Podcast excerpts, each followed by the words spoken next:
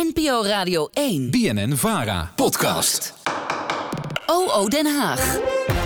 Elke dinsdag gaat onze Haagse redactie op zoek naar het antwoord op een politieke luisteraarsvraag. En deze week ging onze eigen politieke redacteur Sandrine langs bij SGP-voorlichter. En vooral is hij de kenner van alles in de Tweede Kamer. Menno de Bruin.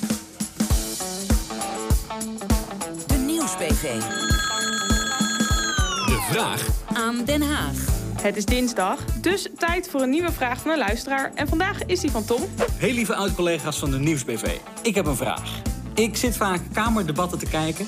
En toen viel het me op dat in het vak waar het kabinet zit... alle zitplekken een eigen microfoon hebben. Maar voor de beantwoording van vragen gebruiken ze altijd alleen het spreekgestoelte in het midden. Waar zijn die andere microfoons voor? Is dat voor contact met ambtenaren? Kunnen ze daar vast de bestelling voor de lunch doorgeven? Wat doen die dingen daar? Ik ben heel erg benieuwd naar wat jullie ontdekken. Om dat uit te zoeken gaan we naar Menno de Bruyne. Hij is voorlichter bij de SGP en bovendien werkt hij al 38 jaar in de Tweede Kamer. Als iemand het weet, is hij het wel. Die middelste microfoon in de Tweede Kamer.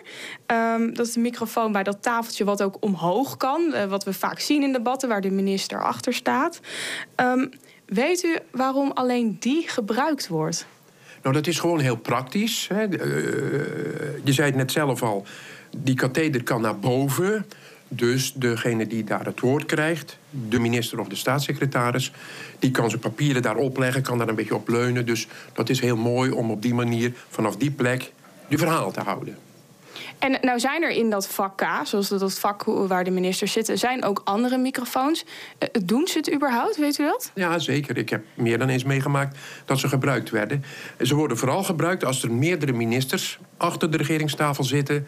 eh, en op enig moment er een vraag is voor één van die ministers... maar die niet uiteindelijk het woord voert, maar daar wel aanwezig is... dat die dan even op een knopje kan drukken en antwoord kan geven op een vraag van een van de Kamerleden. Gebeurt niet heel vaak, want meestal zitten er maar één of twee bewindslieden... dus dan is het vrij makkelijk.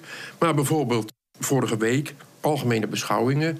dan zit vak helemaal vol... En stel dat er een vraag wordt gesteld eh, waar Rutte niet het antwoord direct op weet, maar wel een minister links of rechts van hem, dan kan die zo'n knopje indrukken en dan kan die het antwoord geven.